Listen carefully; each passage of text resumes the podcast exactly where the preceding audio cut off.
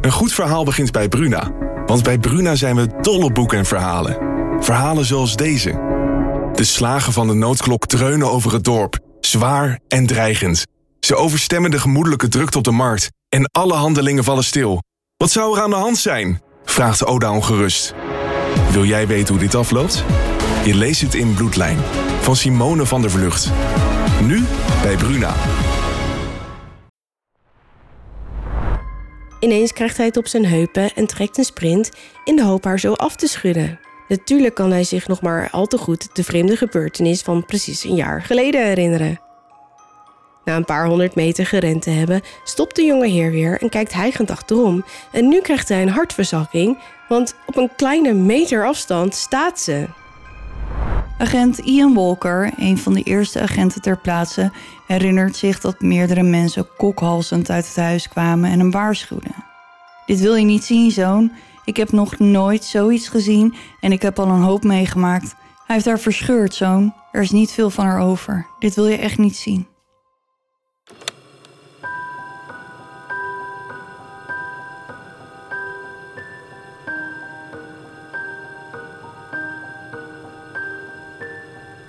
Dit is Duister.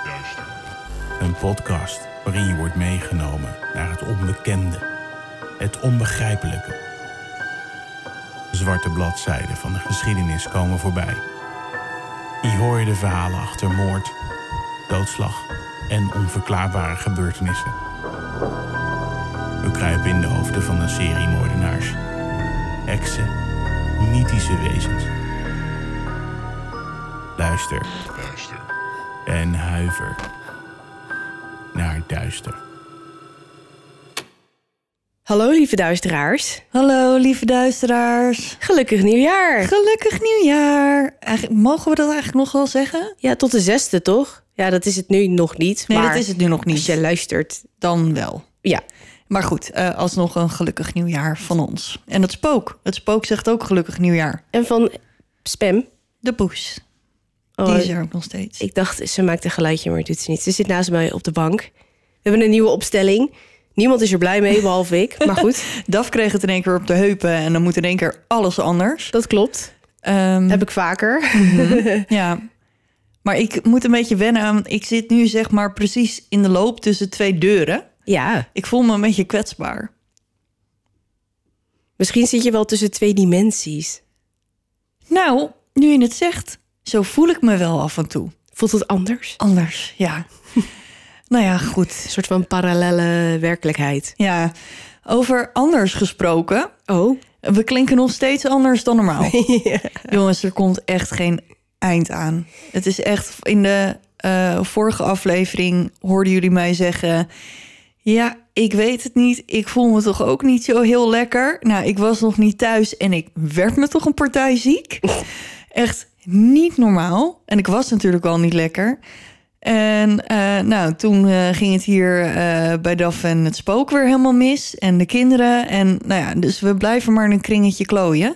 ja, want jij, jij was toen niet lekker. Ja. Maar wij hebben er ondertussen alweer één gehad. Ja, Dus gewoon nog een griep daar overheen. ja, het is niet normaal. Dat was ook de reden dat de vorige aflevering te laat kwam. Ja, we weten dat we een beetje aan het klooien zijn de laatste tijd, jongens. Maar Ja. het is gewoon, het is echt, nou ja, Daf zegt het al. Echt elk virus, waarschijnlijk als ik hier nu de deur uitloop straks... ben ik morgen ook ziek weer, opnieuw. Nee, Ehm, deze is allemaal wel redelijk op zijn retour hoor, denk ik. ja, dat dacht ik de vorige keer ook. Maar dat bleek ook niet zo te zijn. Nee. Ehm, dus we zijn een beetje aan het klooien. Maar ehm, als je ons op de socials volgt, eh, dan heb je ook gezien...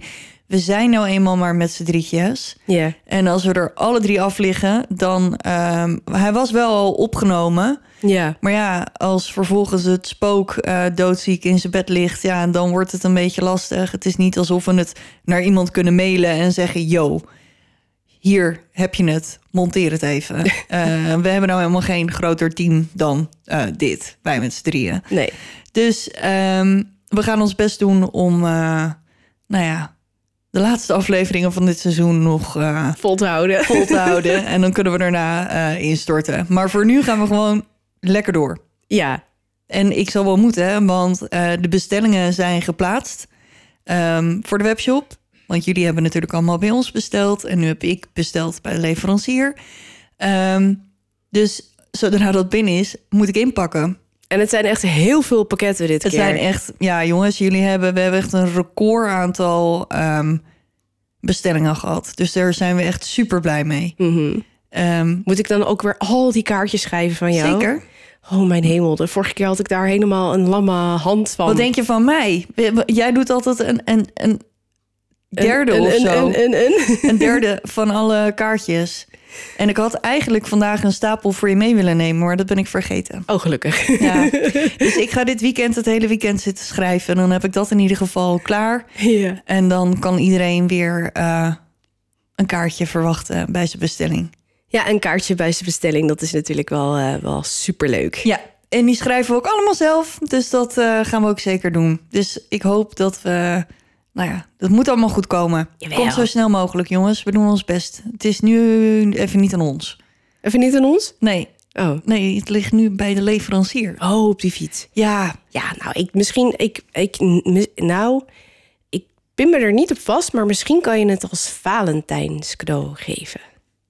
Ja. Dat moet wel lukken, toch, denk ik. Jawel, ik ga ervan uit van wel. Ik durf geen eh, dingen te beloven, maar... Als je een cadeau wil geven, tenminste, als je niet iets voor jezelf hebt besteld. Ja. Maar, Ja. Oh, over cadeaus gesproken. oh, Ik ben bijna jarig. dat klopt. En daarna jij. ja. Wat gaat het dan hard ineens, hè? Zodra het 1 januari is, dan eh, begint Ja. het aftellen naar het volgende feest. Jouw verjaardag? Mijn Of- verjaardag. Oh, ja, oh, ja oké. Ja, nee, precies. Ja. Oké, jongens, over feest gesproken. Daf gaat een verhaal vertellen. Dat eh, klopt. Is ook een feestje. Dat hoop ik. Ehm, ik moet er wel wat bij zeggen bij deze eh, aflevering van vandaag. Want dit keer vertel ik een kort spookverhaal. En nou ja, je zei het net al, de afgelopen vier weken heeft er in dit gezin griep geheerst. Ja. We begonnen op eh 4 december, de dag voor Sinterklaas. En sindsdien is het een en al snot, kots, Oh, godverdamme. Daphne. Ugh. snot, dat zei ik al. Zelfs de kat was overstuur. Het is gewoon één groot drama. Dus zoals je misschien begrijpt, en normaal gesproken zeggen we dit soort dingen niet, want ja, dat laat je een beetje in het midden. Als luisteraar heb je daar niet zoveel aan. Maar ik wil toch zeggen, ik doe vandaag een aflevering die ik al af had. Die, dat noemen ze dan in televisietermen, een plank-item, want hij ligt op de plank. Ik had iets anders bedacht voor vandaag, een heel spannend verhaal. Maar dat is gewoon niet gelukt. Dus ik doe vandaag dit verhaal. En dan beloof ik dat ik voor de laatste aflevering ga knallen. Oké. Dan doe Daar- ik iets heel spannends. Oké. Ik weet nog niet wat. Misschien een creepypasta of eh een creepypassata, zoals mijn uh, autocorrect ervan maakte vanmiddag. Ik vraag me af hoe dat smaakt. maar, eh, Ja. Ja. Dus het is een beetje wat het is. Ja. Ehm, maar het is wel... maar oh, ik compenseer een beetje. Oh, jij compenseert. Ja, Ja. deze aflevering. Ben jij gruwelijk of... Ja, maar je zou kunnen zeggen van wel, ja. Joepie. Ja, dus blijf vooral hangen, jongens. Het komt allemaal goed. Het komt allemaal goed. Maar vandaag vertel ik het verhaal van Sarah Duckett.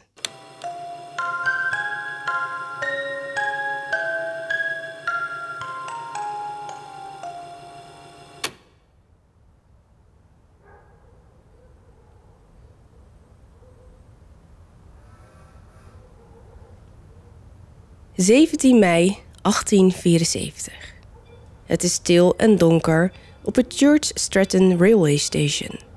De avondlucht is kil en vochtig. Mist vormt zich laag boven de grond over de weilanden. In de verte klinkt het donderende geraas van een stoomlocomotief die langzaam maar zeker dichterbij komt. Achter het hek staat een enkeling te wachten om een vermoeide reiziger mee naar huis te nemen.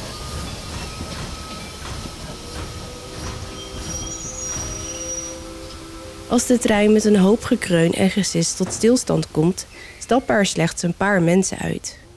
Onder hen is ook Sarah Duckett. Ze is 39 jaar, maar ze zou net zo goed 23 kunnen zijn. Ze draagt een lange rok met daaroverheen een overjas, een sjaaltje tegen de kou en een kapje op haar hoofd. Bij haar heeft ze twee versleten koffers die behoorlijk zwaar lijken. Een ervan heeft een kapot slot. Haar hakken echoen over het zo goed als verlaten perron terwijl ze haar koffers in de garderobe zet. Even later vertrekt ze weer, nu zonder bagage. Ze stapt haastig het perron af, steekt de straat over en zet haar kraag op. Ze loopt richting de Hessler Bank, voorbij de spoorbrug. Haar adem maakt vochtige wolkjes terwijl ze langzaam maar zeker in de duisternis verdwijnt. En dat is de laatste keer dat ze levend wordt gezien.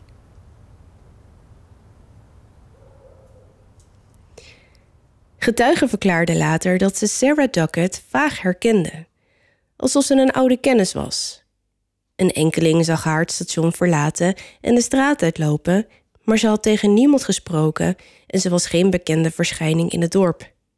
Eigenlijk wist niemand wie deze vreemdelingen was en er was ook geen haan die er naar kraaide. Maar wie was Sarah en waarom werd ze nooit meer in leven gezien? We weten slechts een aantal dingen van haar. Sarah wordt geboren in 1830 in South Lee, een dorpje niet ver van George Stratton. Ze is de derde dochter van George en Anne Stratton. Haar vader sterft helaas jong wanneer Sarah acht is. Hij komt om het leven door een bizarre val in de schoorsteen. Daarna verkoopt moeder Anne het huis om haarzelf en de drie kinderen Oh, te wacht even. onderhouden. Ja? Hoe- hij kreeg een ongeluk in de schoorsteen. Ja. Hoe kwam hij daar dan? Ja, dat weten we niet. Oh, Ik denk dat hij hem aan het vegen was en, en er voorover ingekukeld is. donderd is inderdaad. Hm. En dan, nou ja, kan je hard vallen. Dus Ja, of je komt vast te zitten, net zoals Joshua. Die Ja. ene die ik toen zaakte. Ja, ja, ja, zeker. Maar zoals ik al zei, verkoopt moeder Anne het huis om haarzelf en de drie kinderen te onderhouden. Ze verkopen wollen kledingstukken en verhuizen van pension naar pension. Wanneer oudste zus Elisabeth met een kleermaker trouwt, blijven Sarah en de zusjes Anne achter bij hun moeder, die enkele maanden later plotseling sterft. De 210 pond die ze nalaat wordt onder de zussen verdeeld. Sarah krijgt 70 pond. Het grootste gedeelte laat ze beleggen bij de bank, een klein deel houdt ze zelf en ze geeft 25 pond aan de kerk. Daarna vertrekt ze naar Liverpool. Na ongeveer een week schrijft ze de dominee in Church Stratton dat ze haar 25 pond terug wil. Volgens Sarah zit ze in de gevangenis en heeft ze het geld nodig om zichzelf te bedruipen. De dominee is verbaasd, want hoe in godsnaam komt die onschuldige Sarah nou in de gevangenis terecht? Maar hij begrijpt dat ze geld nodig heeft en stuurt haar donatie terug. Wanneer de dominee zus Elisabeth vertelt over de brief die hij van Sarah heeft gekregen, maakt hij zich meteen grote zorgen. Ze neemt contact op met de politie van Liverpool en vraagt hen bij haar zus te controleren of alles wel in orde is. De agenten starten een onderzoek en vinden haar uiteindelijk in een pension waar klaarblijkelijk alles goed met haar gaat. Ze vertelt hen dat ze echt geen hulp nodig heeft en dat ze liever met rust gelaten wil worden. Ze vertrekt morgen toch naar Australië. En het klopt. Een dag later stapt ze op het stoomschip Lord Warden naar Melbourne en verblijft daar bijna 18 maanden. Het is niet bekend wat ze daar al die tijd doet, maar op een zekere dag duikt ze plots weer in Church Stratton op. Zonder geld en met enkel alleen een koffertje belandt ze in juli 1874 in het Martley werkhuis. Het duurt echter niet lang voordat ze ook hier de benen neemt en voor enkele maanden van de radar verdwijnt. Uiteindelijk wordt ze voor het laatst gezien wanneer ze op die koude avond in 1874 uit de trein stapt, haar koffers in de garderobe plaatst en het station verlaat. De politie voert wel degelijk een onderzoek uit, maar komt tot geen enkele conclusie.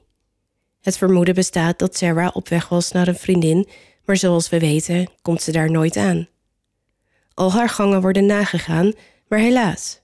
Sarah Duckett blijkt spoorloos verdwenen en met haar haar geld.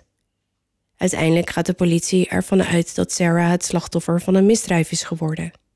En omdat er geen enkele verdachte is, sluiten ze de zaak. We spoelen even eh, vooruit in de tijd, zo'n zeven jaar later. Oktober 1881. Het is tegen 11 uur en het is koud, mistig en donker. Moleneigenaar William Roberts heeft daar geen last van. Hij is net van een zakelijke bijeenkomst vertrokken en de lift die hij naar Southley aangeboden kreeg van een van zijn pachters heeft hij vriendelijk afgeslagen. Hij is een beetje aangeschoten en de wandeling door de frisse avondlucht naar huis zal hem goed doen. Hij wandelt net Hessler Road op, richting de spoorbrug, wanneer hem plots een eigenaardig gevoel bekruipt. Hij stopt, kijkt om zich heen, maar behalve de vochtige wolkjes die door zijn ademhaling komen, ziet hij niets vreemds. William haalt zijn schouders op en loopt door. Hij heeft nog geen tien passen gelopen als hem iets opvalt.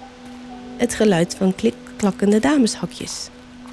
William stopt opnieuw en draait zich om in de veronderstelling dat er een dame achter hem loopt. Omdat hij haar geen ongemakkelijk gevoel wil geven, doet hij een stapje naar achteren om haar te laten passeren, maar wanneer hij kijkt, ziet hij alweer, of beter gezegd nog steeds, niemand. Er ontsnapt een geluid van verbazing uit zijn mond en twijfelend duurt hij in de duisternis. Er is er niets. Geen dame met hakjes, geen ander persoon, niets. Alleen maar stilte om hem heen. William draait zich langzaam om, staat nog even stil en vervolgt daarna zijn weg. Zodra hij in beweging komt, is daar het geluid weer. Met een ruk draait hij zich om en nu ziet hij haar. Zo'n 20 meter achter hem loopt een dame. Ze draagt een lange jas met een hoge kraag over haar rok, een sjaaltje en een kap op haar hoofd. William, enigszins opgelucht dat hij niet gek begint te worden, tikt de rand van zijn hoed aan als vriendelijk gebaar om de dame duidelijk te maken dat hij geen gevaar voor haar vormt. Ze reageert echter niet. William kijkt naar haar, niet wetende wat te doen. Ze staat daar roerloos en beweegt helemaal niet. Ze lijkt wel een geest, denkt hij. En er loopt een rilling over zijn rug door die gedachte. Abrupt draait hij zich weer om en stapt gauw verder. Hij wil ineens niets liever dan thuis zijn. Weer klinken achter hem de hakken van damesschoenen. Stoïcijns loopt hij door. Hij hoeft niet te weten wie die vrouw daar is, het kan hem niks schelen. Als een soort rare snelwandelaar passeert hij de bank en de spoorbrug, terwijl hij zijn ademhaling onder controle probeert te houden. De grote passen veranderen in een drafje en half rennend stopt hij plotseling. Wacht even, denkt hij. Dat is een dame en klaarblijkelijk achtervolgt zij mij. Misschien verkeert ze in nood en heeft ze hulp nodig. Wanneer hij zich voor de derde keer die avond omdraait, schrikt hij zich een hoedje. De vrouw staat ineens nog maar zo'n vijf meter achter hem. Bang doet William een stap achteruit. Ze komt hem zo bekend voor. Wie is zij toch? De vrouw komt in beweging en nu hoort hij niet langer het geluid van hakken, alleen het zachtjes ruisen van haar rok. Langzaam glijdt ze naar hem toe, alsof ze zweeft. William doet geschrokken nog een pas naar achter. Wat gebeurt er? Hij kan, hij kan dwars door deze vrouw heen kijken. Hij ziet de straat door haar heen. De vrouw komt vlak voor hem tot stilstand. Ze zegt niets. De uitdrukking op haar gezicht is bijna wanhopig, alsof ze hem iets probeert duidelijk te maken. Haar ogen zijn donker en groot. Langzaam neemt ze met beide handen haar kapje af en reikt het naar voren. William staat als versteend. Uit pure angst kan hij alleen maar toekijken. Hij ziet alle details: de rafelende stof op haar kapje, de strik op de punten van haar schoenen, de vlek op haar jas, haar bleke gezicht, het feit dat ze doorzichtig is. Even staan ze daar als twee standbeelden, als ze plots haar armen laat zakken, zich omdraait en wegglijdt. Ze verdwijnt dwars door een heg. William denkt niet na en rent achter haar aan en ziet haar nog net in het niets oplossen. Als ochtenddauw in het waterige zonnetje. En nu pas realiseert William zich waar hij is. Hij staat naast een grote berg modderig zand bij de ingang van de oude mijn. Deze plek wordt ook wel Copper genoemd. De mijn was niet echt een mijn geweest, maar meer een enorm gat in de grond dat lokale enthousiastelingen tientallen jaren geleden hadden gegraven op zoek naar koper. Maar met de tijd was het gat weer volgeraakt met zand en troep en afval en was het één grote modderige bedoeling geworden. Geschrokken en vol adrenaline rent William de hele weg naar huis. Daar loopt hij zijn buurman tegen het lijf, aan wie hij het hele verhaal, wat hij zojuist heeft meegemaakt, vertelt. Uitgeput gaat hij vervolgens naar bed, maar slapen lukt hem niet. Hij blijft maar aan haar gezicht denken. Hij herkent haar, maar hij weet het niet. Wie is ze nou toch? Die nacht droomt hij over de vreemde vrouw. Ze zijn op dezelfde plek en ze staat weer voor hem. Ze doet haar kapje af en nu ziet hij haar gezicht en hij herkent haar eindelijk. In zijn droom draait ze zich om en verdwijnt weer door de struiken. William volgt haar en ziet haar in het niets verdwijnen boven de kopperhol. Maar voor ze oplost in het donker, draait ze zich nog een laatste keer om. Ze kijkt naar beneden en dan weer naar hem. William kijkt naar de berg met zand. En wanneer hij opkijkt, is ze verdwenen. De volgende ochtend schiet William overeind. Hij moet iemand vertellen wat hij weet. Snel trekt hij zijn kleren aan, rent zijn voordeur uit en steekt de straat over naar zijn vriend. Daar bonst hij net zo lang op de deur totdat er iemand open doet. Eenmaal binnen aan het ontbijt vertelt hij in geuren en kleuren wat hij de avond ervoor meemaakte. Het hele verhaal klinkt hem absurd in zijn eigen oren, maar het is toch echt de waarheid. Wanneer hij klaar is, kijkt zijn vriend hem bedenkelijk aan en blijft even stil. Maar wie is ze dan? vraagt hij dan bedachtzaam. Sarah Duckett, roept William uit, alsof het de meest logische zaak op aarde is. Sarah Duckett probeerde hem in zijn droom duidelijk te maken wat haar overkomen is. En dat is dan wat precies? vraagt zijn vriend. En dit is het moment waar William op heeft gewacht, want hij zegt: Ik geloof, zegt hij vastberaden, dat Sarah Duckett zeven jaar geleden is vermoord en van haar geld beroofd en daarna begraven is in de Copperhole. Klinkt wel plausibel. Ja, dat vindt zijn vriend ook. Ehm, die kijkt een beetje eh, twijfelachtig, maar ja, eigenlijk is hij al wel overtuigd, want Ja. het klinkt natuurlijk super logisch. En zo weet binnen een mum van tijd heel George Stratton van de spookverschijning van Sarah Duckett. Het duurt dan ook niet lang voor de lokale krant het nieuwtje heeft opgepikt en een artikel schrijft. En zo belandt het verhaal bij de omliggende dorpjes. Ook William Roberts vertelt aan wie het ook maar horen wil dat hij er zeker van is dat het lichaam van Sarah op de bodem van de Copperhole ligt. En dan staat de politie op zijn stoep. Ja, ook hen overtuigt William van zijn dromen en de daarbij behorende boodschap. In het dorp wordt intussen geld ingezameld door lokale winkeliers om het uitbaggeren van de Copperhole te bekostigen. Het gat is zo'n 10 meter diep en ligt vol met modder en industrieel afval. Ook de mankrachten worden verzameld. Het zijn plaatselijke vrijwilligers die zich aanmelden. Allemaal voor een goed doel: het opgraven van het lichaam van Sarah, zodat haar familie haar een fatsoenlijke begrafenis kan geven. Van heinde en verre stromen de bezoekers toe, allemaal om een glimp op te vangen van de Copperhole. De struiken aan de zijkant worden gesnoeid en er wordt een houten looppad aangelegd, zodat men in de blubberige diepte van het gat kan staren. Aan het begin van de straat staat zelfs een kraampje, bemand door William, waar hij drankjes en het verhaal van Sarah verkoopt. En dan enige tijd later begint het graven. Het werk begint optimistisch, maar het gaat erg langzaam. Alles wordt met de hand uit het gat geschept. En erg stabiel blijkt het gat niet te zijn, want telkens wanneer de gravers lekker op weg zijn, stort er weer een zijkant in en kunnen ze opnieuw beginnen. En daarom wordt er besloten een houten spiraallooppad langs de zijde van het gat te maken, om zo te voorkomen dat ze op deze manier bezig blijven. Het duurt lang, erg lang. Weken wordt er gegraven, maar telkens stuiten ze op nieuwe problemen. Regenval, modderstromen, zware wind, het schiet allemaal niet op. Uiteindelijk wordt er een houten overkapping over het gat gemaakt om zo de meeste weersomstandigheden het hoofd te kunnen bieden. Ondertussen zien steeds meer mensen de verschijning van Sarah.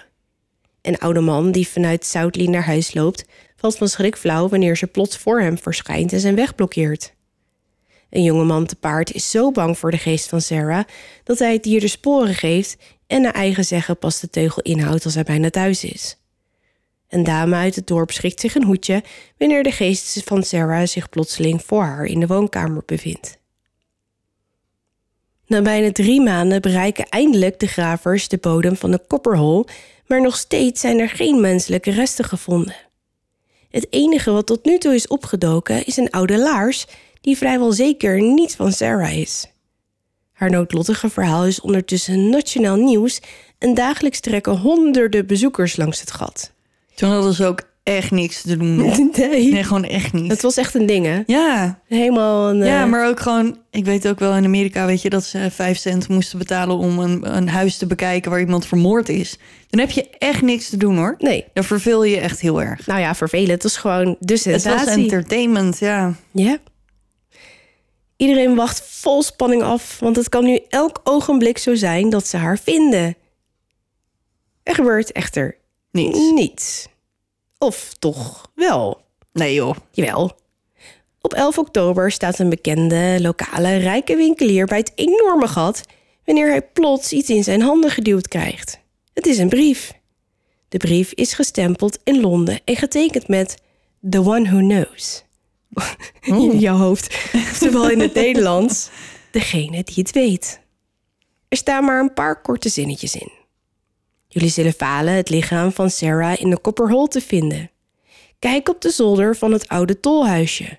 Kijk goed op de zolder aan de wegzijde aan de linkerkant. Het oude tolhuisje staat op de hoek van Badger Lane en Ash Rover New Road, waar reizigers vroeger tol moesten betalen om over de oude koetsweg naar Church Stratton te reizen. Oorspronkelijk zat er aan de voorkant een halve deur waar de tolman zou staan om het geld te innen, en daarnaast was een poort, groot genoeg om een koets door te laten. Het gebouwtje is maar één verdieping hoog en bovenop zit een klein zoldertje. Het dak is vanaf de kopperhol net te zien. Ongeveer 80 mensen draaien tegelijkertijd hun hoofd naar rechts wanneer de winkelier het briefje hardop voorleest. Twee minuten later staan er ongeveer 80 mensen voor het oude tolhuisje. Ze kijken allemaal naar boven, naar het zoldertje, want de zoektocht is natuurlijk meteen van start gegaan. Helaas blijkt die vruchteloos. Wanneer er niets bewonderingswaardig gevonden wordt. De hele zolder wordt van onder tot boven uitgekamd, maar niets, zelfs geen enkele aanwijzing. Wanneer iedereen de hoop begint te verliezen, ontvangt de rijke winkelier weer een brief. Ditmaal is hij van The one who knows? Sarah zelf. Oh! ja, she's the one who knows. Ja. Ze schrijft dat ze haar niet langer hoeven te zoeken en dat ze veilig en wel getrouwd in Worcester woont. Oké. Nou, mysterie opgelost. Ja, toch? nou, Klaar. bedankt voor dit verhaal. Nee, grapje natuurlijk. Want ongeveer een week na die laatste brief geeft dominee Holland Sandford, ja, zo heet hij echt, Holland Zandvoort, een bescheiden interview in De Kant. Daarin vertelt hij dat hij samen met de lokale dokter een klein onderzoek is gestart en dat daaruit is gebleken dat Sarah onmogelijk de laatste brief heeft kunnen schrijven, want ze is overleden. Oh, Ja, en dat weten ze heel zeker. Het blijkt dat ze gestorven is op 45-jarige leeftijd in 1876, twee jaar nadat ze in het Martley werkhuis terecht is gekomen. Er zijn geen officiële documenten van de gebeurtenis, behalve een overlijdingsakte, getekend door een voormalig werkster die het lichaam van Sarah heeft erkend. Tenminste, dat denkt ze. Er is maar weinig bekend over hoe ze stierf. Het schijnt dat ze plotseling levenloos in elkaar zakte nadat ze al twee jaar had geleden aan zware reumatische pijnen. Deze onthulling zet de inwoners van George Stratton wel aan het denken. 1867? Ja, dan was het dus echt een geestverschijning die zich aan William Roberts toonde. Want Sarah was op dat moment al vijf jaar dood. Dat is natuurlijk wel bijzonder. ja. Omdat het nu wel duidelijk is dat Sarah niet in de Copperhole gevonden gaat worden of in het oude tolhuisje, wordt besloten de werkzaamheden dan maar op te ruimen. De maanden gaan voorbij. Seizoenen veranderen. Ander nieuws bereikt de krantenkoppen en de inwoners van Church Stratton pakken het normale leven weer op. Maar dan, precies een jaar later, gebeurt het weer. Daar meen je. Ja. Een jongeman die anoniem wil blijven, doet zijn verhaal in de krant. Op een koude avond in oktober loopt hij naar huis van een avondje uit. Achter hem hoort hij lichte voetstappen. Hij draait zich om en ziet toen 20 meter achter hem een dame lopen. Hoewel ze duidelijk loopt, de jonge man hoort het ruisen van haar jurk en het klakken van haar hakken, lijkt ze niet echt vooruit te komen. Verward draait de jongeman om en loopt door. Maar weer merkt hij beweging achter hem. Telkens wanneer hij stopt, stopt ook de vrouw. Ineens krijgt hij het op zijn heupen en trekt een sprint in de hoop haar zo af te schudden. Natuurlijk kan hij zich nog maar al te goed de vreemde gebeurtenis van precies een jaar geleden herinneren. Na een paar honderd meter gerend te hebben, stopt de jonge heer weer en kijkt hijgend achterom. En nu krijgt hij een hartverzakking, want op een kleine meter afstand staat ze. Langzaam steekt ze haar armen omhoog en haalt haar kapje van haar hoofd. Hij ziet alles: de structuur van haar jurk, de glinstering van het maanlicht op haar haar, de stoffen touwtjes aan het kapje. En toch weet hij dat ze niet echt voor hem staat. Met haar handen uitgestrekt kijkt ze hem bedroefd aan. En dan draait ze zich plots om, zweeft weg en verdwijnt in een struik. De jongeman rent achter haar aan en realiseert zich dan pas waar haar is. Ze bevinden zich naast de Copperhole. De jongeman vertelt zijn verhaal aan de krant en probeert daar nog wel, nou ja, attentie voor te krijgen. Ja, ja. Maar ja, er is niemand die denkt, joh, Laten we het nog een keer even uitgraven. Met laten we nog een keer de hele Copperhole Ja, nee. leegtrekken. Wat er uiteindelijk met het lichaam van Sarah gebeurd is, weten we niet. Het kan zijn dat ze ergens in de stad begraven is. Daar zijn helaas geen gegevens van. Wie de briefschrijver was, the one who knows, is ook nog steeds onbekend. Wat diegene wilde bereiken met zijn of haar brieven, daar kunnen we alleen maar naar gissen. En waarom Sarah's geestverschijning rond Copperhole bleef spoken, zal waarschijnlijk voor altijd een mysterie blijven. Werd ze dan toch vermoord? Zochten de gravers niet goed genoeg en ligt haar lichaam toch in de Copperhole? Hoe dan ook is het verhaal van Sarah een van de best omschreven geestverhalen die er bestaan, want William Roberts zag daadwerkelijk een geest. Een geest. Dus Een als we hem ge- mogen ja. geloven, stond ze voor hem. Hij vertelde iedereen dat hij door haar heen kon kijken. En het gebeurde niet één keer, want een jaar later Gebeurde zag de weer. jonge man eh, hetzelfde. Ja. En wat ik me nou een beetje afvraag, wat nou als je ieder jaar rond hetzelfde tijdstip daar zou zijn, zou het dan gewoon weer gebeuren? Ja. Of is het gewoon al die tijd niet iemand precies op dat moment geweest die haar heeft gezien daar? Dat zou kunnen, maar waarom ook pas na die zeven jaar? Waarom Ja, eh, ja, of ja, ik weet het niet. Misschien, ja, maar misschien dat het wel ieder jaar gebeurde, gebeurt. maar er was nooit iemand? maar er was nooit iemand. Dus ik heb nu een missie. Oh, We moeten naar Church Stratton oh, dat is prima. in oktober, In oktober? Ja. 11 oktober. Oké. Nou, we gaan. Drie dagen voor de verjaardag van Ted. En Ja. dan gaan we daar gewoon heen. Ja. En dan gaan we er staan. En dan gaan we kijken of we de geest van Sarah ook- zien. Weten we ook hoe laat we er moeten zijn? Ja, rond 11 uur s avonds. Oké. Nee, dat gaan we doen. Ze klinkt namelijk niet als een heel enge geest. Dus ik denk dat ik dat wel aandurf. Ja. Ik bedoel, ze willen alleen maar dat je naar de kapje kijkt. Wat is er met dat kapje ook? Waarom Weet zet ik ze dat af? Ik weet het Want niet. ik, de eerste keer dat je zei ze haalde haar kapje van haar hoofd, toen dacht ik, nou dan heeft ze vast een enorme hoofdwond of zo op der, onder de kapje. Dus dat het zo, kijk, ik ben op mijn hoofd geslagen of zo. dit, dus dit ik ben is een vermoord. aanwijzing. Ja. ja. nee, ja, het is, eh, ja, ze noemen het niet voor niets het mysterie van Copperhole. En dat komt omdat, eh, Het een mysterie is? ja, Nou, oké. omdat we gewoon nog steeds niet weten wat er nou met Sarah Duckett is gebeurd. Ja, Ik vind het wel eens sneu ergens. ja. Ze heeft in ieder geval eh, Een beetje treurig. ja, niet echt makkelijk gehad voordat ze overleed Nee, in de werkhuis. Want we weten van Jack the Ripper. wat een het, ellende eh, dat is. Ja, ja. Jeetje, wat een mysterie. Nou hè? Ja. nee, hier ga ik zo meteen nog heel lang over nadenken. Het is jammer dat ik nu nog moet, want anders dan eh, Ja, zal ik maar gewoon beginnen dan. doe maar. Ik ben heel benieuwd naar jou. Jij gaf al een, even tussen... eh, Neus Nou ja. en lippen door. ja, vanmiddag zei je al een beetje wat je ging doen. Dus Mhm. ik- ik ben heel, heel, heel, heel, heel, heel erg benieuwd. Heel benieuwd. Ik Nou, vrees het ergste weer. Dus ja. nou ja, hou, je, hou je vast. hou je vast inderdaad.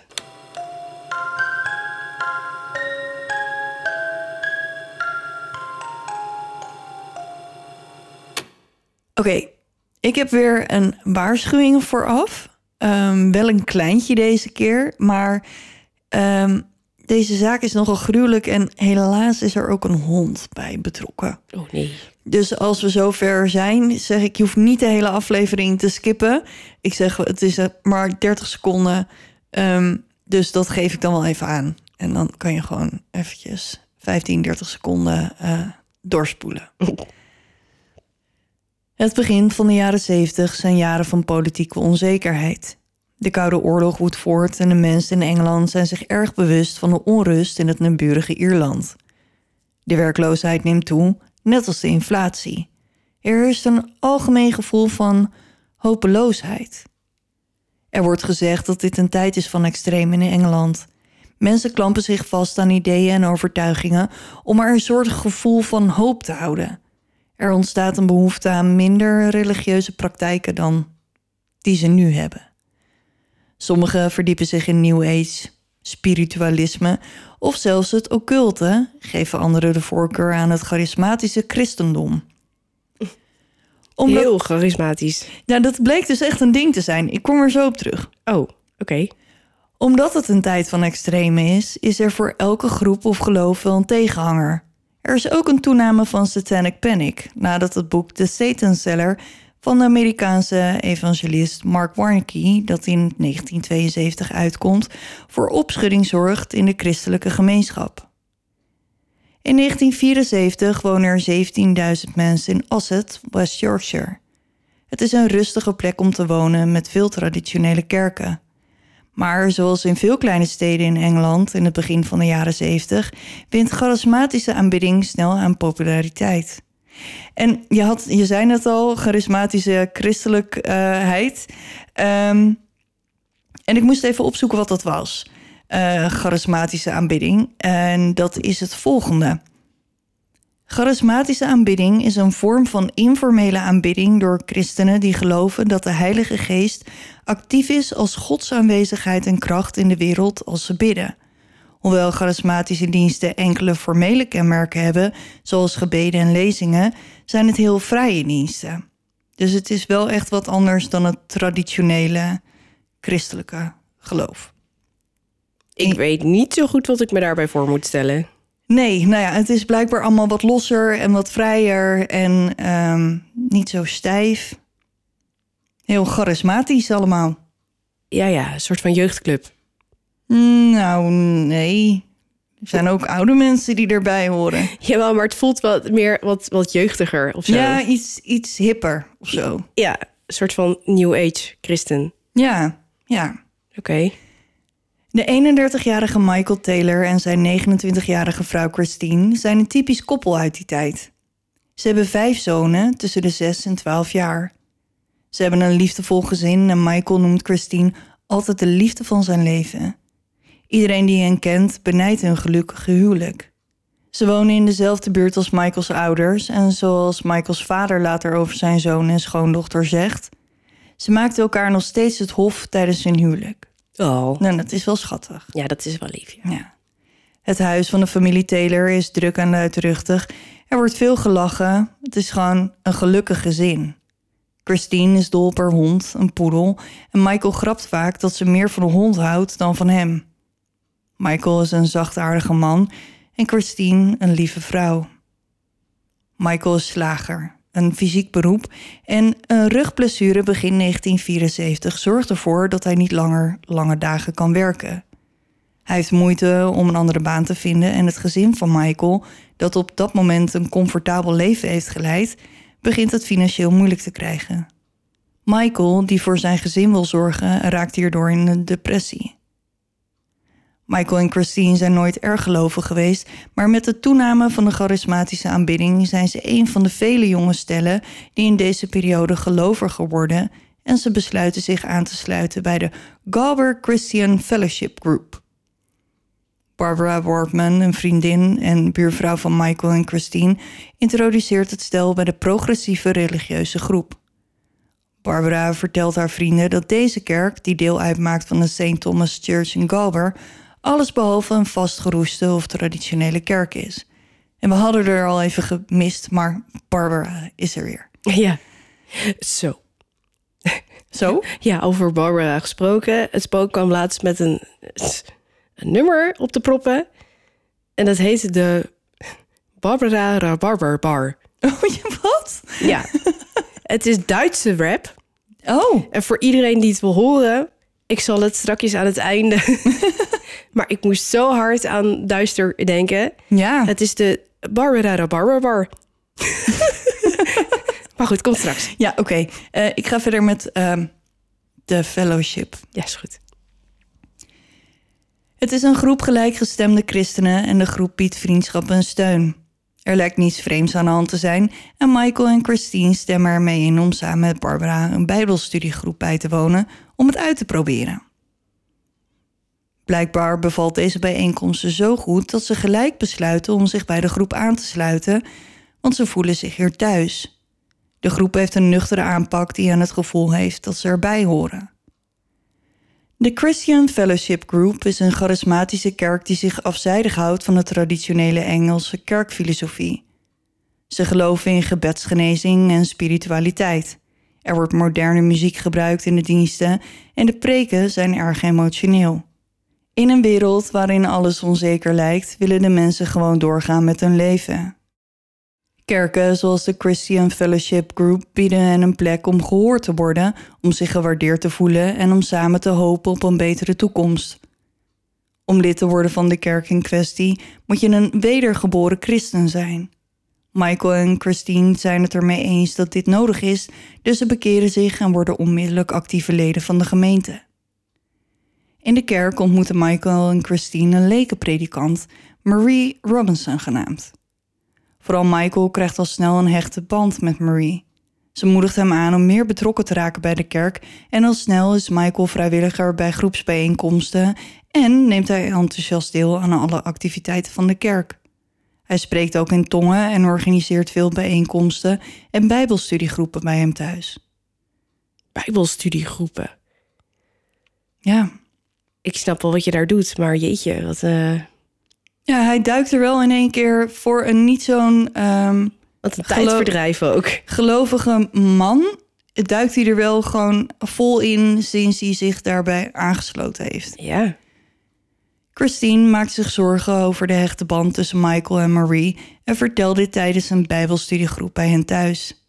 Ze zegt dat ze gelooft dat hun relatie een vleeselijk karakter heeft gekregen. Oh, En ik vind, oh het echt, ik vind vleeselijk echt een heel vies woord trouwens. Maar goed, dat is wat ze zei. Ik zou zelf fysiek zeggen, bijvoorbeeld. Ze confronteert haar man en de predikant waar iedereen bij is... en ze eist dat ze haar vertellen of ze een verhouding hebben of niet. dat klinkt niet als een goed idee. Nee. Ze ontkennen het en de groep stelt voor dat Michael en Marie het onder vier ogen bespreken. Want zij moeten dus met z'n tweeën nu gaan bespreken of ze Een vleeselijke een relatie vleeselijke hebben. relatie hebben of niet. Ja, ja. Ik bedoel, ik zou zeggen, joh, Christine, Michael, misschien wordt het tijd dat jullie even met elkaar een gesprek voeren, bijvoorbeeld. Ja, want blijkbaar is het vertrouwen een beetje weg. Ja, er is iets aan de hand, maar nee, gaan jullie lekker met z'n tweeën bepalen of jullie een vleeselijke relatie hebben of niet. En dan bestuderen wij hier ondertussen de Bijbel. Dit klinkt meer alsof ze een vreselijke relatie hebben. Maar goed. Ja, ja. Maar goed, naar verluid neemt Michael Marie mee naar boven. En in plaats van het hele gebeuren te bespreken en tot een oplossing te komen, biecht Michael zijn gevoelens aan Marie op. Blijkbaar is hij verliefd op haar en probeert haar te zoenen. Oh, god. Marie is niet geïnteresseerd en wijst zijn avances af. Beschaamd, maar snel hersteld van de afwijzing, noemt Michael de situatie een overwinning voor de Heer. Oh, nee toch. Hij rent naar beneden en vertelt de groep dat, dankzij de Heer, hun gevoelens voor elkaar compleet verdampt zijn. Het is allemaal voorbij. Hij zegt: Er is een wonder gebeurd. We hebben allebei onze passies overwonnen. Je zit heel moeilijk naar me te kijken. Ja, ik heb hier wel een mening over, maar goed. Ja. Marie is opgelucht dat hij zo goed met de situatie om lijkt te gaan, maar in een oogwenk verandert Michaels houding. Later herinnert ze zich dat het een sinistere transformatie was. Alsof er iets zijn lichaam is binnengedrongen waarna hij haar hysterisch schreeuwend slaat. Dit is wat Marie erover te zeggen heeft.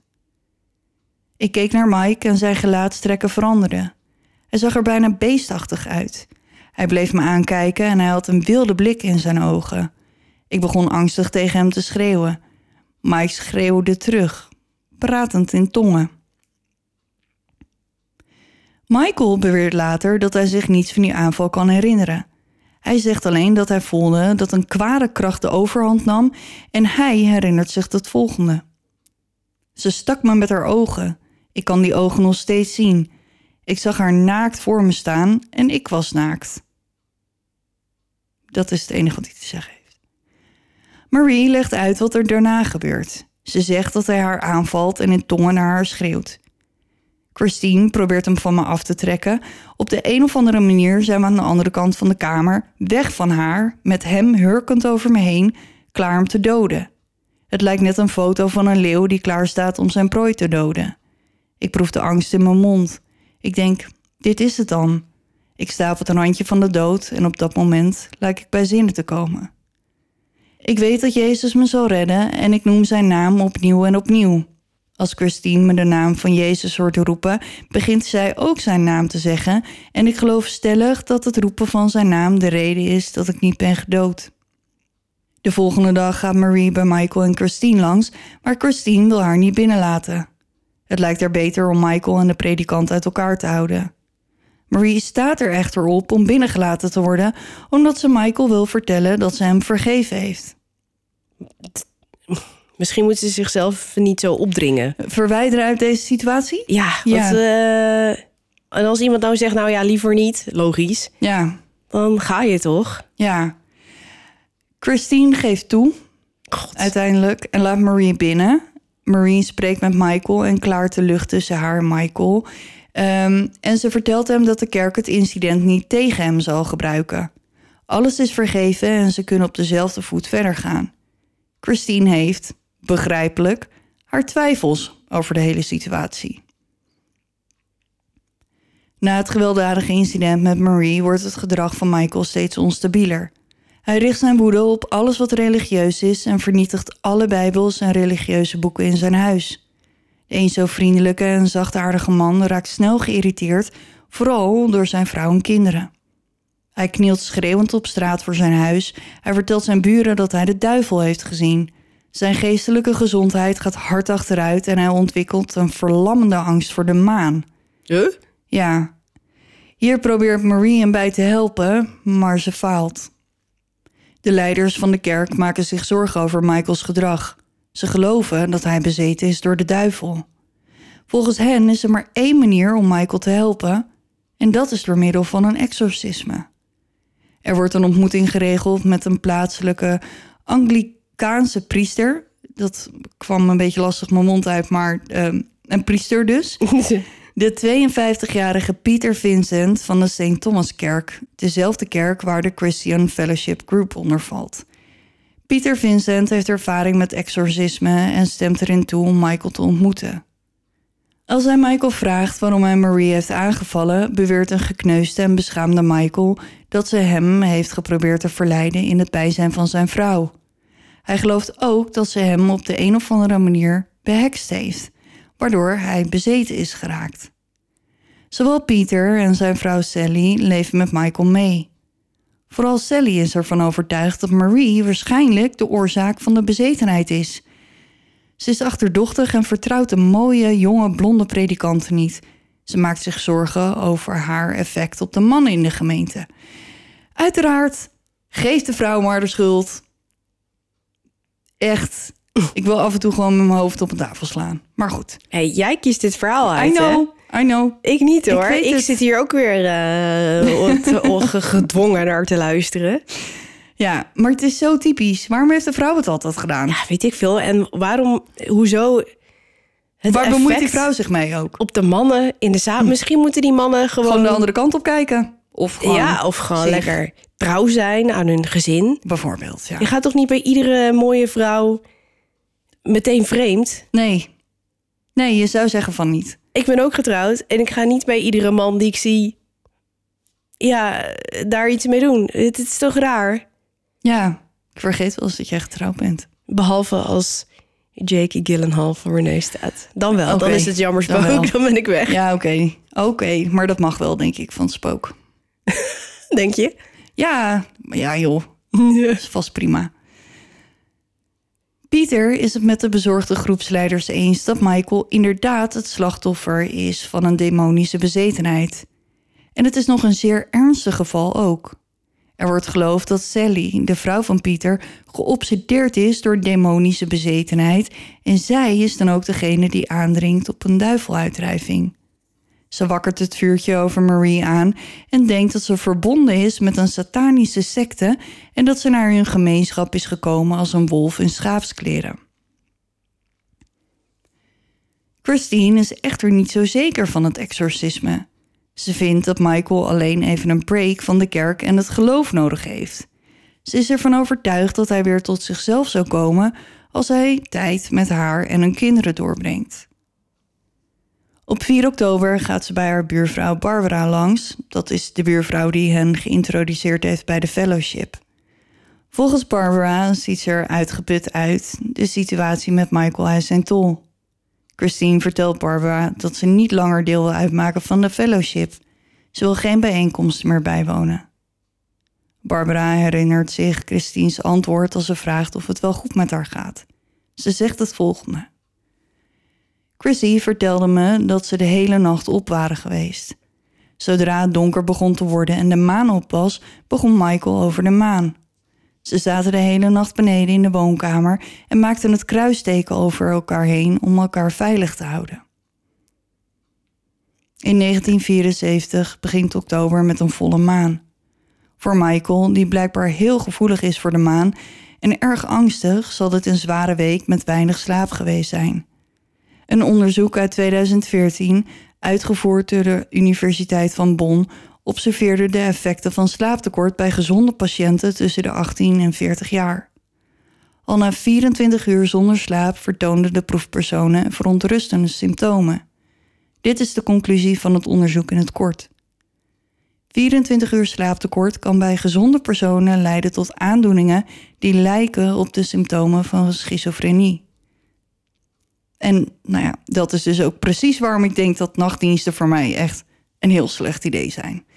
Ehm, maar dan, en dan heb je het over gezonde personen en niet iemand die al onstabiel is. Nee, ik weet het. Eh, kun je mij naar uh, aflevering nog herinneren over slaapparalyse? Ja. Uh, daar vertel ik ook in wat de effecten van niet slapen zijn. Ja. En die zijn best horror. Ja, die zijn best pittig, ja. Die zijn niet, niet voor de boets. Nee. Een buurvrouw meldt dat Michael weer de straat op is gegaan. Deze keer schreeuwt hij tegen haar dat ze de melk van menselijke vriendelijkheid moet drinken. Daarna spuugt hij op haar en zegt dat het melk is. Eeuw. Ja, echt heel smerig. Geschrokken van zijn gedrag wil de buurvrouw weglopen en hij schreeuwt haar terwijl hij met zijn vinger wijst: De toorn van God rust op u. Op die dag, 3 oktober, is het al duidelijk dat Michael zijn gestonde verstand verloren heeft. Hij slaapt die nacht niet, zoals Christine de volgende dag aan Barbara vertelt. Of hij op 4 oktober geslapen heeft, weten we niet.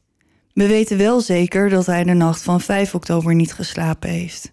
Op die dag worden Michael en Christine ontboden op de pastorie van de St. Thomaskerk. In de eerste instantie zijn ze terughoudend, maar na vele slapeloze nachten zijn ze niet zo weerbaar meer en ze stemmen toe. Ze brengen hun kinderen naar Michaels ouders en een vriend rijdt het stel naar de pastorie. Daar aangekomen worden ze voorgesteld aan een team van religieuze leiders die zijn gekomen om te helpen bij de uitdrijving.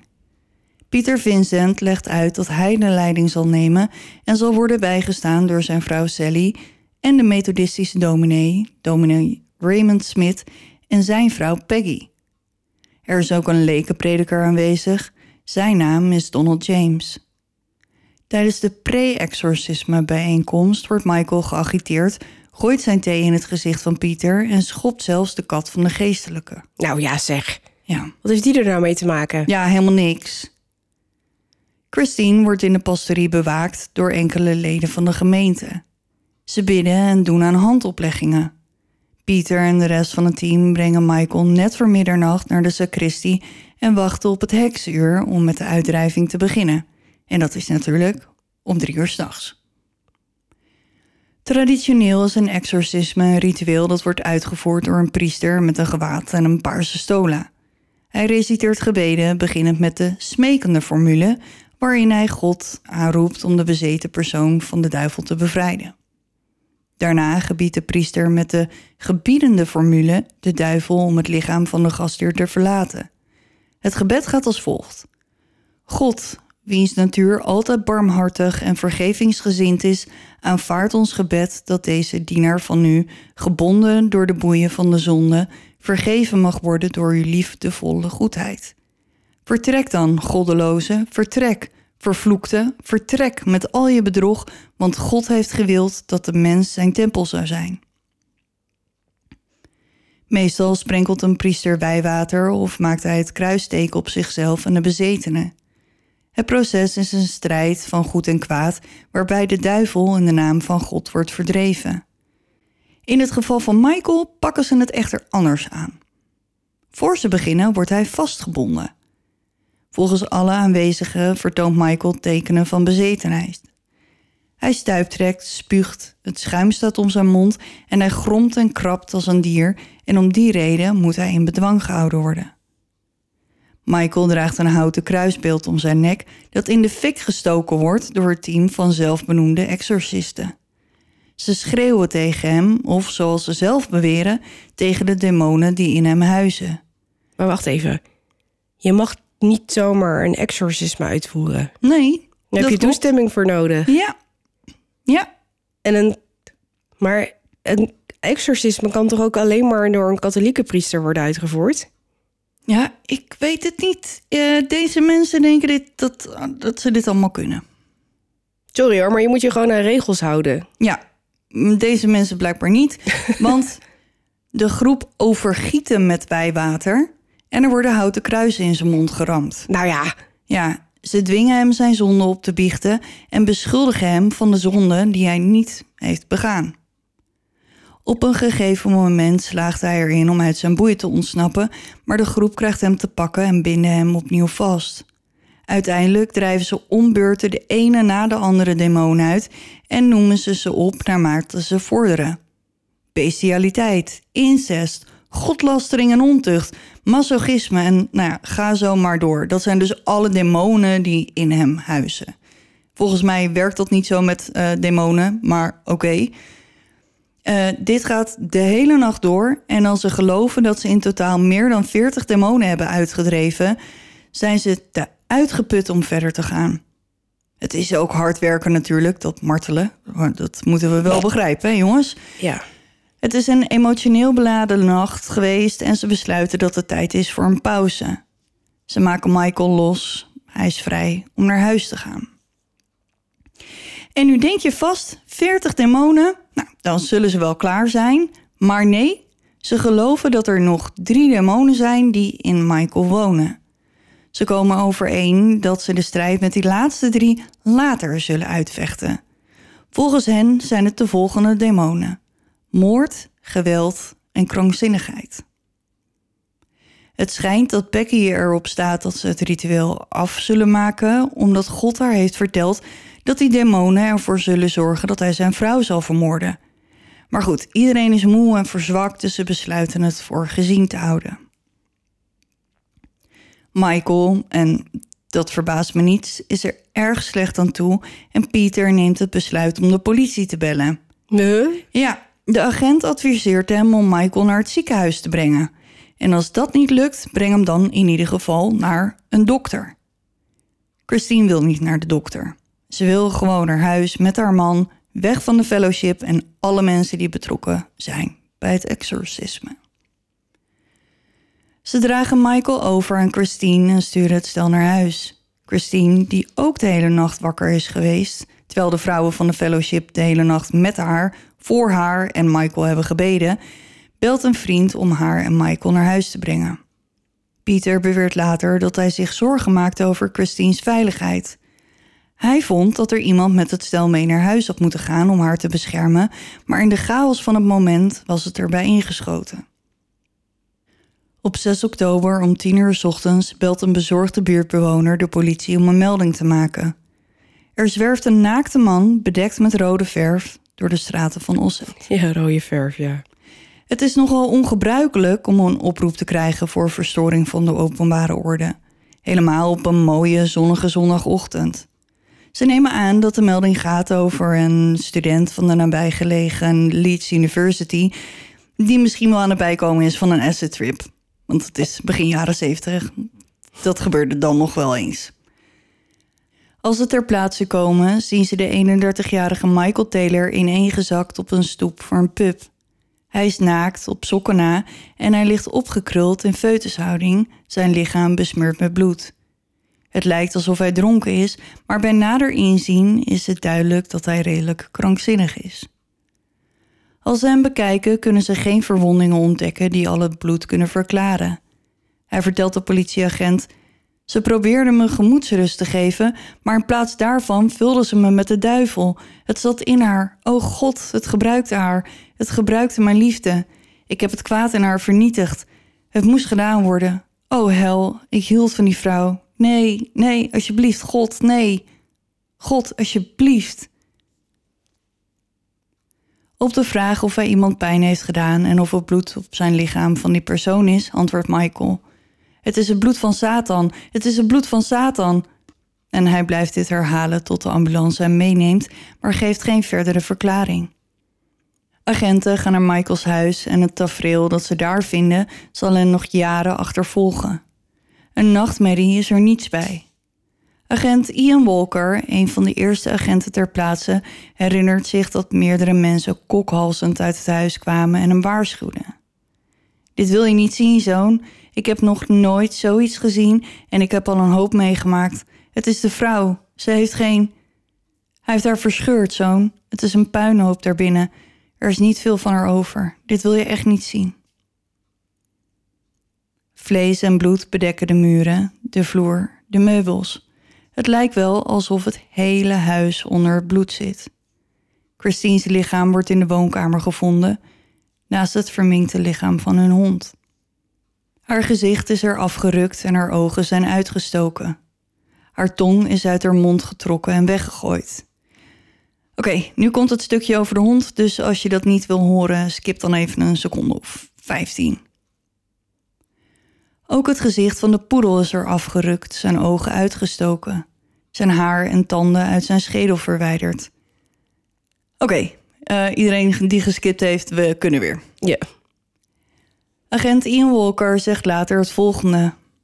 Van alle incidenten waarbij ik in 30 jaar politiewerk betrokken ben geweest, heeft niets me zo geraakt als deze zaak. De stompzinnigheid en zinloosheid van dit alles, de complete en totale verspilling van het leven, de vernietiging van een gezin om nog maar te zwijgen van de dood en andere trauma's overtreffen alles wat ik ooit ben tegengekomen. Voor deze gebeurtenis was ik agnostisch. Nu ben ik atheïst. Godzijdank waren alle kinderen niet thuis die nacht, want zij waren bij hun opa en oma. Dus dat is tenminste Iets. nog een beetje goed nieuws. Het had nog veel erger kunnen zijn. De politie kan geen moordwapen vinden en het duurt niet lang voordat ze begrijpen waarom. Er is geen wapen. Michael heeft zijn blote handen gebruikt. Uit de autopsie blijkt dat Christine overleden is door verstikking door het inademen van haar eigen bloed. Ze is dus gewoon verdronken in haar eigen bloed. Hoe vreed en pijnlijk dit ook moet zijn geweest, er wordt aangenomen dat haar dood snel is ingetreden. Michael wordt vanuit het ziekenhuis meegenomen voor ondervraging. Hij vertelt de rechercheurs die hem verhoren een ijzingwekkend verhaal over het exorcisme die die nacht heeft plaatsgevonden.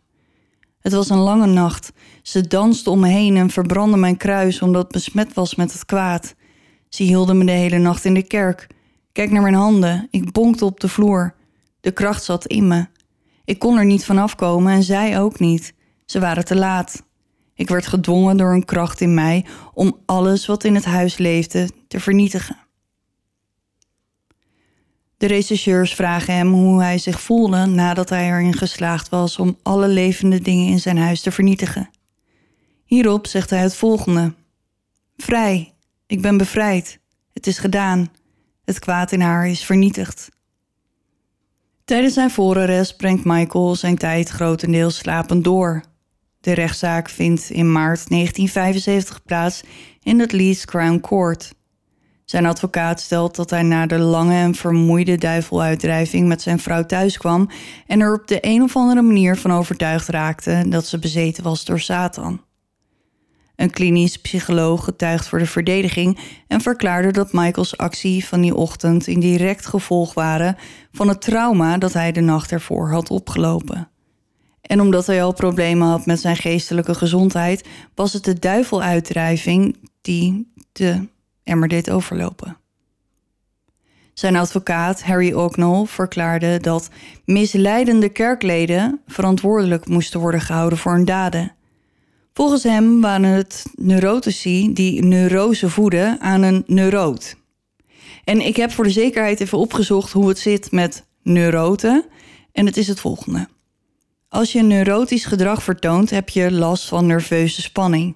Neurose betekent letterlijk het hebben van zwakke zenuwen.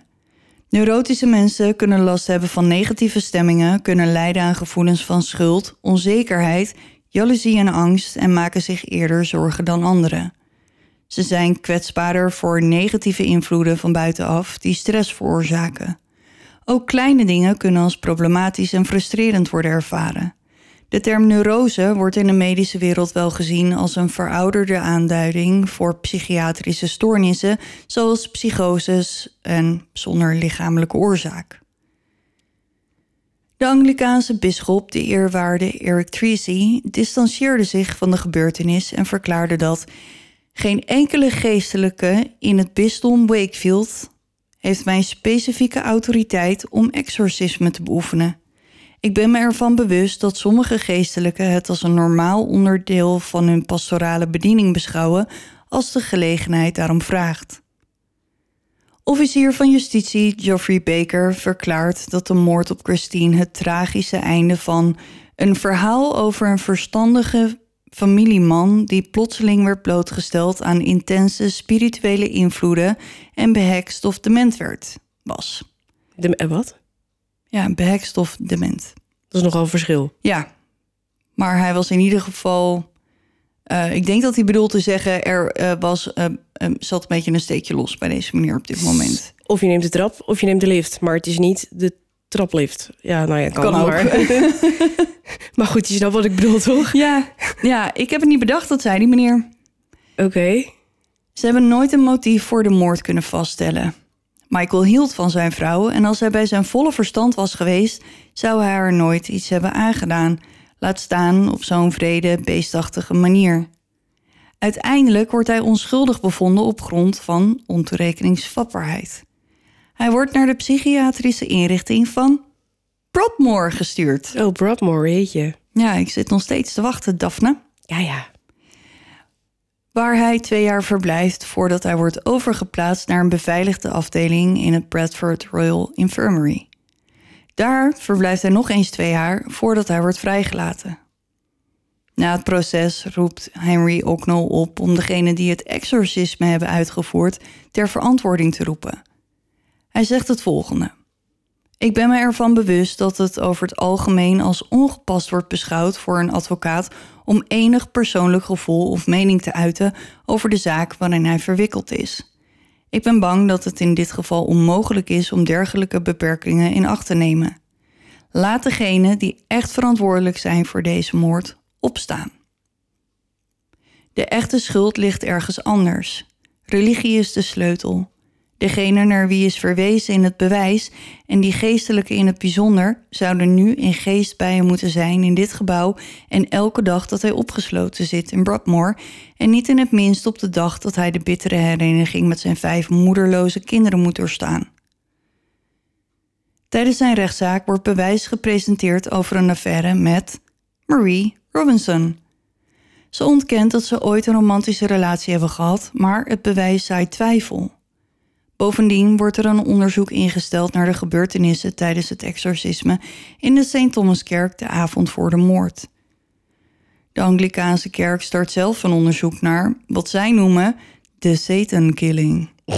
Oké. Ja.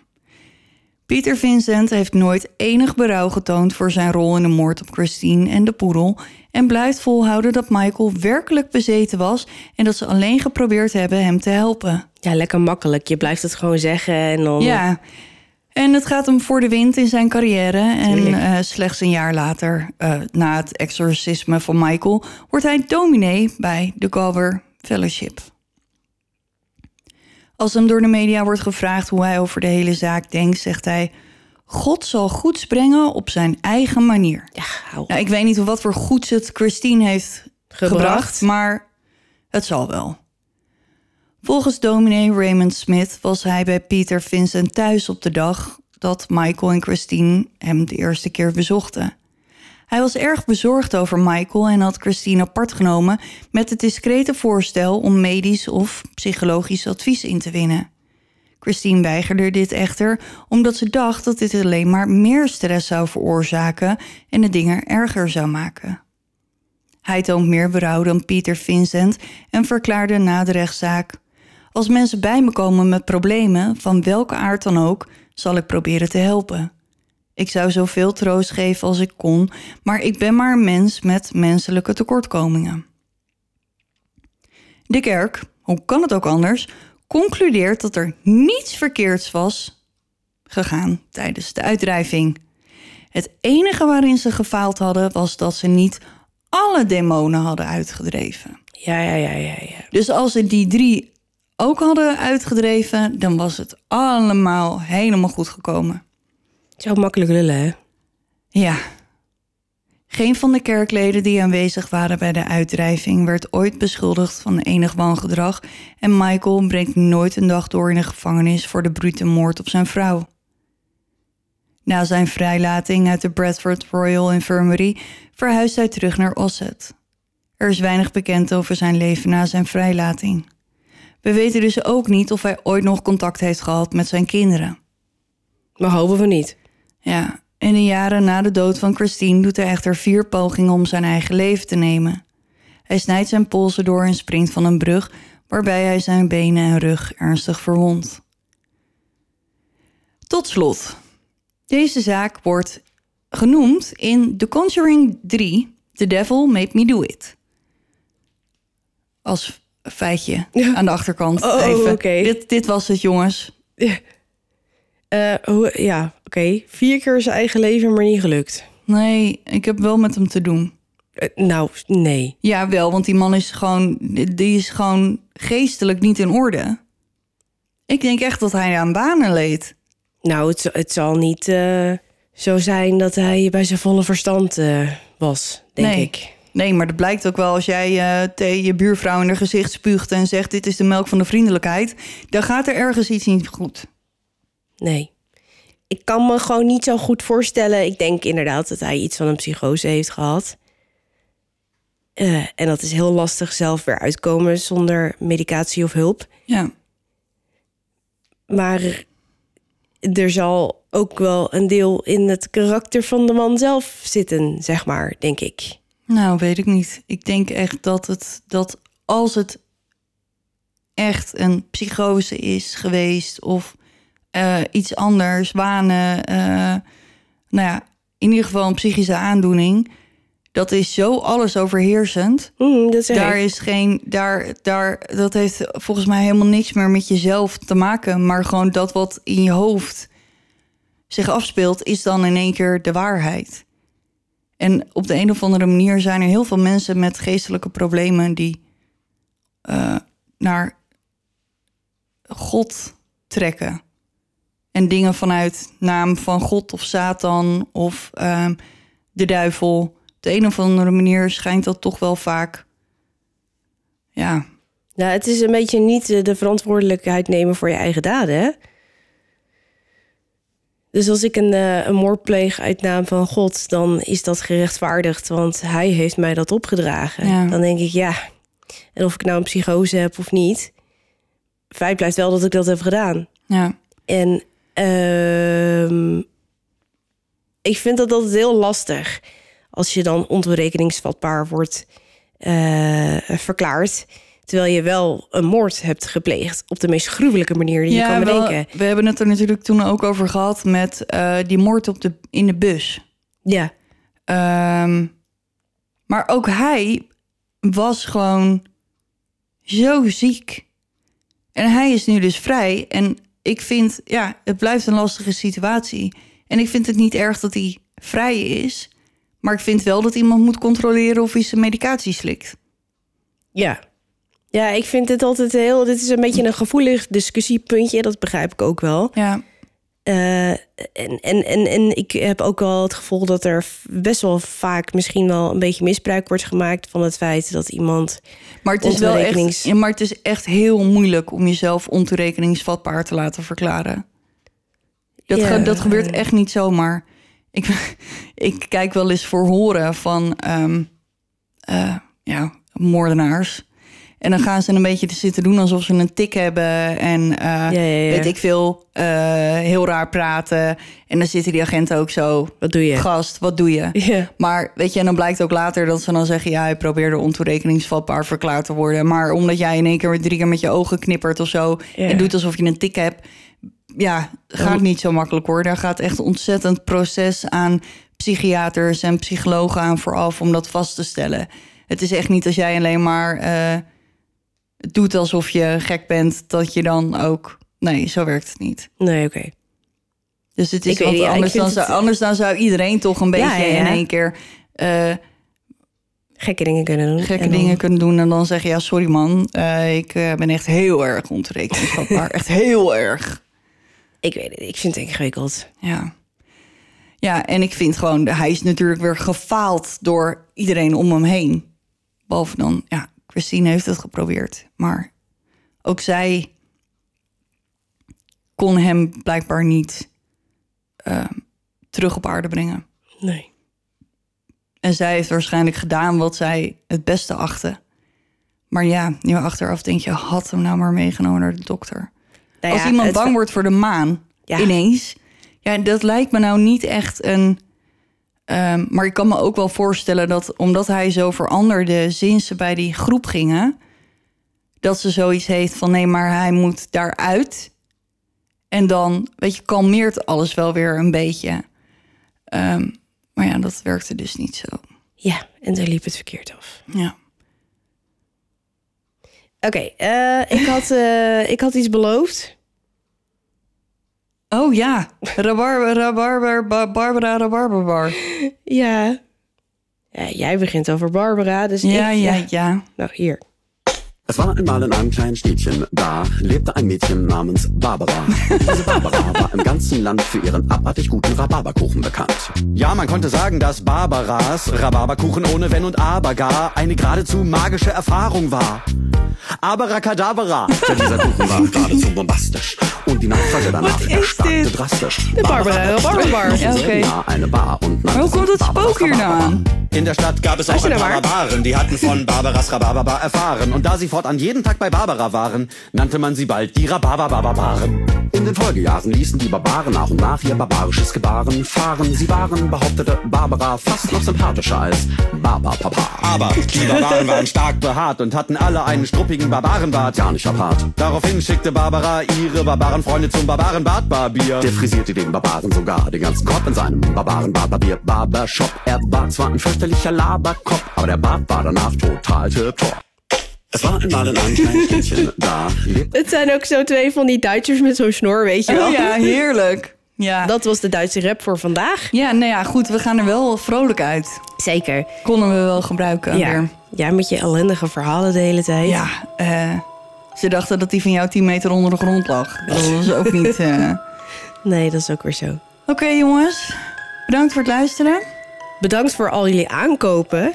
Ook dat. En voor alle support de afgelopen aflevering dat we te laat waren. En Ja. alle beterschapswensen. Maar als het goed is, komt deze op tijd. Hopen. Daar gaan we vanuit. Voor nu, ontzettend bedankt voor het luisteren. En onthoud, blijf, in het licht. Want je weet nooit wat er in het duister op je wacht.